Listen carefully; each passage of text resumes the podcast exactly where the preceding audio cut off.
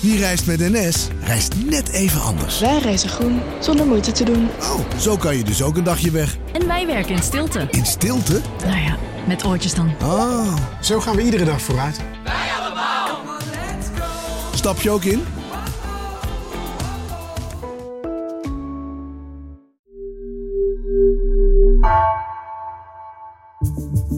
Vanaf de redactie van NRC het verhaal van vandaag. Mijn naam is Gabriella Ader.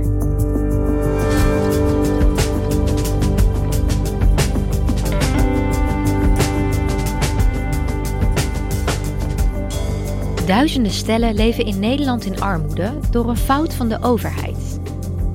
Hierdoor moeten gezinnen met leefgeld van nog geen 50 euro per week allerlei toeslagen terugbetalen waar ze juist recht op hebben. De overheid is zich bewust van de fout, maar doet niks, ziet redacteur Christian Pelgrim. Hoe kan dit?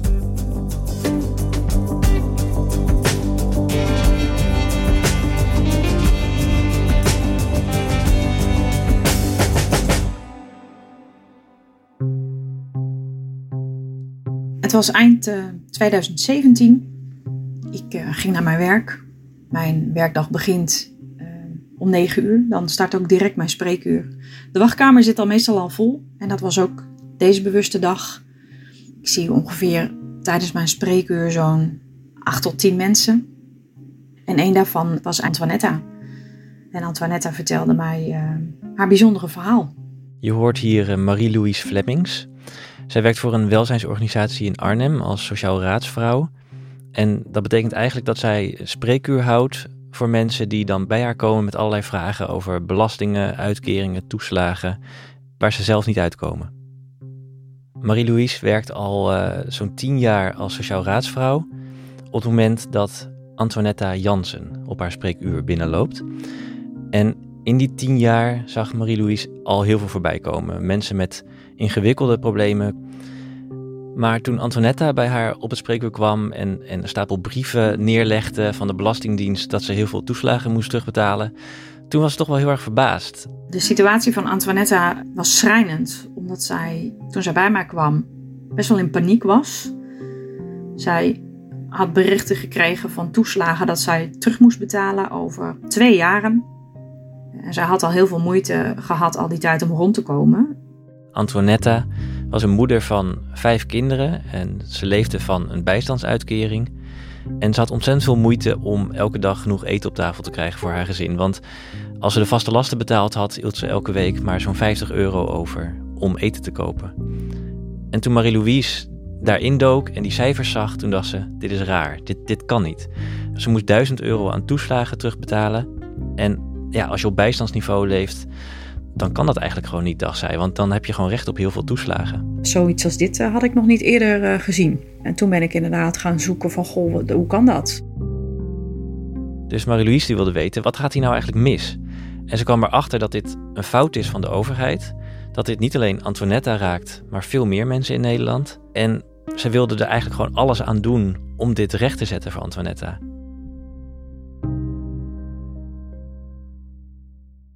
Wat is precies de situatie van Antoinetta?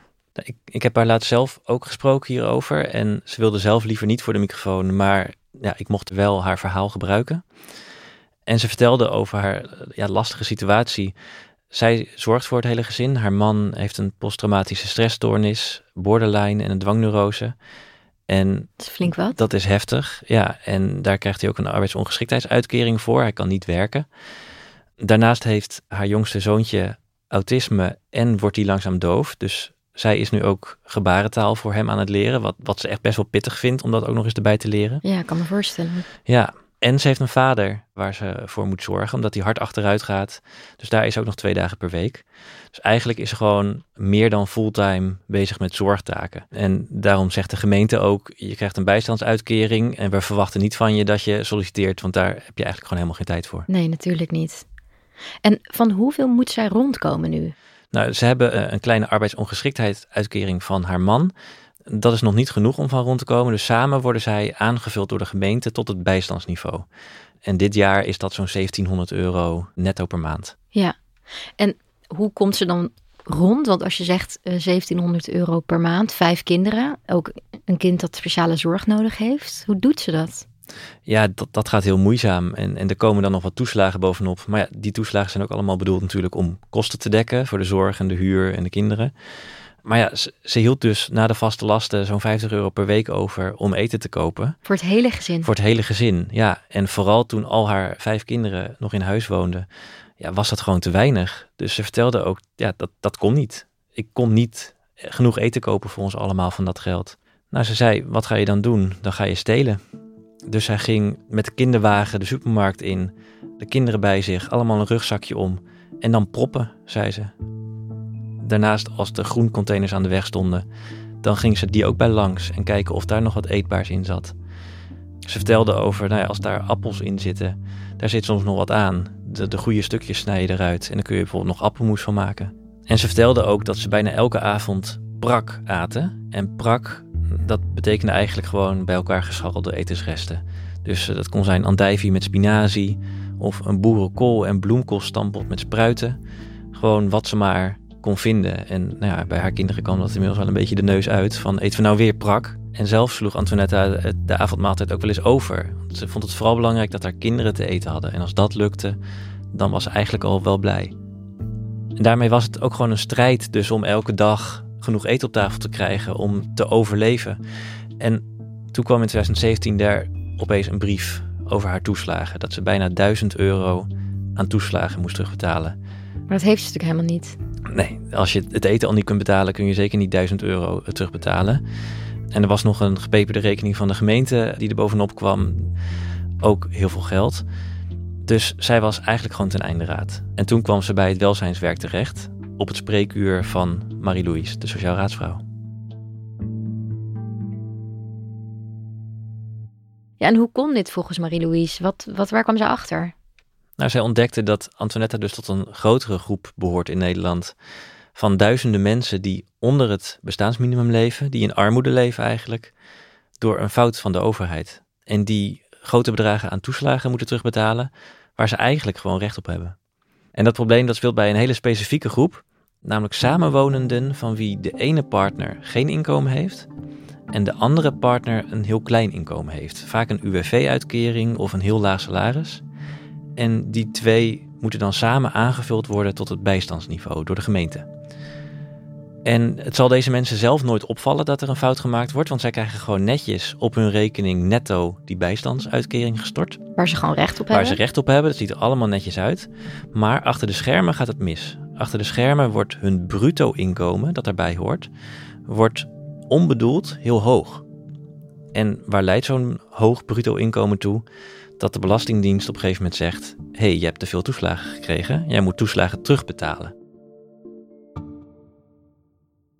Maar weten we ook hoe het komt dat die bruto-inkomens zo hoog worden geschat? Ja, die bruto inkomens die worden zo hoog door een bepaalde belastingregel die om andere redenen is ingevoerd, maar dus voor deze mensen zo'n nadelig effect heeft. En dat is een belastingregel die alleen verdieners raakt. Uh, dus eigenlijk gewoon alle stellen in Nederland waarvan de ene partner wel werkt en de andere niet of bijna niet. Die nadelige belastingregel is heel bewust ingevoerd, vooral om vrouwen in Nederland te stimuleren om meer te gaan werken. Maar dit onbedoelde effect had de overheid nooit bedoeld voor deze duizenden Nederlanders. Die echt niet kunnen werken. Ja, en die van zo'n aanvullende bijstandsuitkering leven. Want daar gaat dit opeens mis. De combinatie van deze belastingregel en zo'n aanvullende bijstandsuitkering. Nou, dat zit echt in de haarvaten van de Nederlandse inkomensregelingen. Dus het is ook helemaal niet zo gek dat de overheid dat over het hoofd heeft gezien. Want het is relatief een kleine groep, maar toch zijn het duizenden Nederlanders die hierdoor in armoede leven. Waar mensen die alleen maar een bijstandsuitkering krijgen, een normaal bruto inkomen hebben, zoals het bedoeld is, krijgen zij normale toeslagen, namelijk vrij maximaal. Maar mensen die een aanvullende, kleinere bijstandsaanvulling krijgen, daar gaat het mis met deze belastingregel. En dat heeft niemand zo bedoeld, maar de overheid weet het eigenlijk ook niet op te lossen nu. Ja, weten we om hoeveel mensen het precies gaat? Volgens een berekening van de Belastingdienst zou dit gaan om zo'n 5700 stellen. Nou ja, en als je dat even berekent, dat zijn dus meer dan 11.000 mensen die in deze situatie zitten. eh, Plus nog kinderen die soms betrokken zijn in zo'n gezin. Ja. Een van die mensen is dus ook Antoinetta en daarmee haar hele gezin. Zij moet ineens al die toeslagen terugbetalen, terwijl ze leefgeld heeft van 50 euro per week. Kon Marie-Louise haar helpen? Nou, ze ging eerst bellen met collega's sociaal raadslieden in Nederland. En zo kwam ze erachter dat er al andere sociaal raadslieden waren die ook mensen op hun spreekuur hadden gehad, die in zo'nzelfde situatie zitten. Ja. Toen kwam ze erachter hoe dit precies werkt, dit probleem. En ze heeft dit aangekaart bij de gemeente Arnhem, waar Antoinetta woont. En gezegd, kunnen jullie niet Antoinetta compenseren voor die toeslagen die ze misloopt? Nou, nee, zei de gemeente Arnhem. Het is een vervelend probleem, maar het is wel een landelijk probleem. Ja. Dus de landelijke overheid moet dit oplossen. Nou, bij de landelijke overheid kwam ook geen oplossing. En toen heeft Marie-Louise een, eh, een advocaat ingeschakeld voor Antoinetta. Om de gemeente Arnhem te dwingen om wel te compenseren. Toen heb ik contact gezocht met de heer Balkema, advocaat die hier veel sociale zekerheidszaken behandelde. Toen heb ik hem de situatie voorgelegd. En uiteindelijk, jaren later, winnen ze een rechtszaak in hoger beroep. Dat was vorig jaar, dat de gemeente Arnhem inderdaad Antoinetta moet compenseren. En de bedragen aan haar moet betalen die zij is misgelopen aan toeslagen. En dat dat dan 4,5 jaar duurt voordat je je gelijk krijgt, ja, dat eh, is wel frustrerend. Ja. Je zou graag zien dat het sneller ging, maar ja, helaas. Christian, als ik dit zo hoor, dan klinkt het als gewoon weer zo'n verschrikkelijk ingewikkeld systeem waar gewoon heel snel fouten insluipen. Waarom doet de overheid niks? Ja, het, het- af en toe is het voorbijgekomen omdat een Kamerlid het, het aankaartte, maar nooit voor lang. En het is ook nooit echt een groot politiek issue geweest. Want wat werd er dan gezegd als het werd aangekaart? Nou, dan was er een Kamerlid dat schriftelijke Kamervragen stelde. Die werd dan beantwoord. Nou, en de eerste bewindspersoon die hier iets over schreef was Jetta Kleinsma, staatssecretaris eh, in 2016. Nou, ik wou net zeggen, dat is al Ja, geleden. dat is heel lang geleden. En die schreef al dat ze het vervelend vindt. Maar ze kon niks doen, want het kabinet was demissionair. Dus nou ja, ze moest terughoudend zijn. Ja, Toen was het heel lang stil. In 2020 werden de nieuwe schriftelijke Kamervragen gesteld door de SP. En minister Wouter Koolmees was er inmiddels. En die zei, dit is heel complex, heel ingewikkeld. En we willen er wel wat aan doen, maar we weten nog niet hoe. Hij zou erop terugkomen, zei hij. Nou, bleef het weer heel lang stil. Totdat recent de um, Sociaal Raadslieden een brief stuurden naar Carole Schouten. Op dit moment minister voor Armoedebestrijding. En ook zij zegt weer hoe ontzettend ingewikkeld het is en dat ze er naar aan het kijken is. ja, maar het is toch geen antwoord dat het zo heel ingewikkeld is? Dan moet je dat dus oplossen. Ja, en wat dit laat zien is dat de inkomensregelingen in Nederland zo ontzettend ingewikkeld zijn geworden, dat ook de overheid zelf er gewoon niet meer uitkomt. Ze hebben uh, allerlei oplossingsrichtingen op een rijtje gezet. En bij elke oplossingsrichting geven ze redenen waarom dat niet zou kunnen. Met als gevolg stilstand. Het is uh, veel te ingewikkeld gemaakt als je het mij vraagt. Voor minima zijn er zoveel regelingen waar ze gebruik van kunnen maken. Uh, en waar ze dus ook vanuit zichzelf aanspraak op moeten maken. Dingen gaan niet vanzelf. Het is niet zo dat men zegt van nou, als jij drie jaar lang een bijstandsuitkering hebt, dan rol je bij ons uit dit systeem. En dan kennen we jou automatisch een extra bijdrage toe. Nee, mensen moeten daar zelf voor in actie komen. En dan moet je dus maar net weten uh, welke regelingen dat op jou van toepassing zijn en dat je daar aanspraak op kunt maken. En er zijn een hele hoop mensen die dat dus niet weten. En eigenlijk is het ook best wel een bizarre constatering hè, dat we de inkomensregelingen in Nederland zo complex hebben gemaakt, vooral voor de meest kwetsbare mensen. Dat die met soms wel tien verschillende inkomensregelingen naast elkaar zitten en dat dan verwacht dat ze precies weten hoe die ene regeling op die andere inwerkt. Maar oké, het is complex. Weet je wel, je hebt allerlei, allerlei inkomstenregelingen, heel ingewikkeld allemaal, dat begrijp ik nu. Maar betekent dat dan dat er gewoon niks gaat veranderen voor mensen als Antoinetta, tenzij ze een hele moeizame rechtszaak gaan aanspannen? Nou, er is nog geen zicht op structurele verbetering. Maar het is wel zo dat deze rechtszaak die Antoinetta gewonnen heeft, dat was op zich wel een baanbrekende rechtszaak. Want die geeft ook andere mensen die in deze situatie zitten het recht om naar hun gemeente te gaan om gecompenseerd te worden, om achteraf gecompenseerd te worden. Dan moeten ze natuurlijk wel weten dat, dat ze in deze situatie zitten. Antoinetta heeft die rechtszaak gewonnen En dat betekent dat afgedwongen door de rechter zij nu voor 2015 en 2016 haar toeslagen gecompenseerd heeft gekregen van de gemeente Arnhem. En nu is Marie-Louise bezig om ook de jaren daarna voor haar gecompenseerd te krijgen. Dat moet lukken met deze uitspraak in de hand. Ja. Maar het is wel steeds achteraf. Dus Antoinette krijgt nog steeds te weinig toeslagen. En dat moet dan steeds achteraf pas weer rechtgebreid worden. En dit is de situatie van Antoinette. Maar het ziet er nou uit dat de, verreweg de meeste mensen in Nederland die hiermee te maken hebben, niet weten dat dit speelt. Die zien een terugvordering komen van de toeslagen. Die denken, dat moet ik terugbetalen. Dat betalen ze misschien wel terug. En ze weten niet dat ze recht hebben op meer. En dat ze eigenlijk onder het bestaansminimum leven. Dus het structurele probleem, dat bestaat nog. En minister Carola Schouten van Armoedebeleid is nu aan het kijken opnieuw van wat kunnen we hiermee. En zij heeft beloofd om de Tweede Kamer daar voor de zomer over te informeren. Hoe gaat het nu met Antoinette? Wat mij opviel was hoe positief zij in het leven staat. Dan vertelde zij over haar omstandigheden. Dat ik dacht, man, hoe moeilijk wil je het hebben? Dat je zo druk bent met, met zorg voor allemaal mensen om je heen. Dat je veel harder werkt dan heel veel mensen die een, gewoon een baan hebben met een normaal salaris. Ja. En dat je dan onder het bestaansminimum leeft. Want ja, de meeste kinderen zijn nu uit huis. Dat helpt wel voor haar voor het rondkomen. Dus gewoon letterlijk minder monden te voeden. Precies. Maar ja, dat wil nog niet zeggen dat het makkelijk is. Bij haar heeft de verwarming nauwelijks aangestaan deze winter, zei ze. Dus ze zitten s'avonds met, met dekbedden uh, op de bank. Om acht uur s ochtends staat ze bij de Jumbo om op zoek te gaan naar producten die vandaag over de datum gaan. Want die mag je daar dan uh, gratis meenemen. En ze staat drie uur voordat de voedselbank open gaat, staat ze daar al in de rij. Want ze zegt, ja, dan, uh, dan zijn er gewoon iets meer verse producten.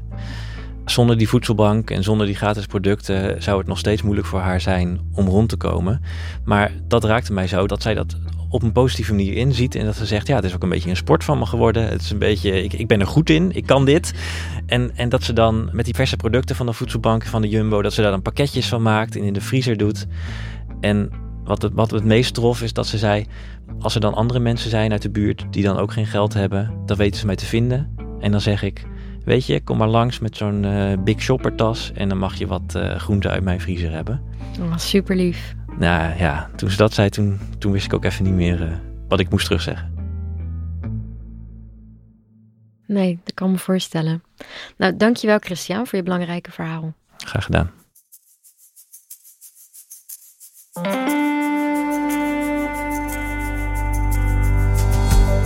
Je luisterde naar vandaag, een podcast van NRC.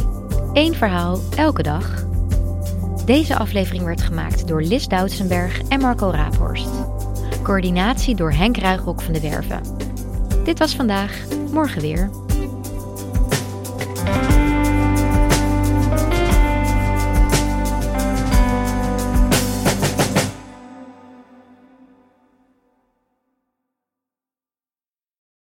De financiële markten zijn veranderd, maar de toekomst, die staat vast. We zijn in transitie naar een klimaatneutrale economie. Dit biedt een van de grootste investeringskansen van onze generatie. Een kans voor u om mee te groeien met de pioniers van morgen.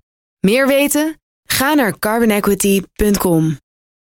Carbon Equity. Do good by investing better.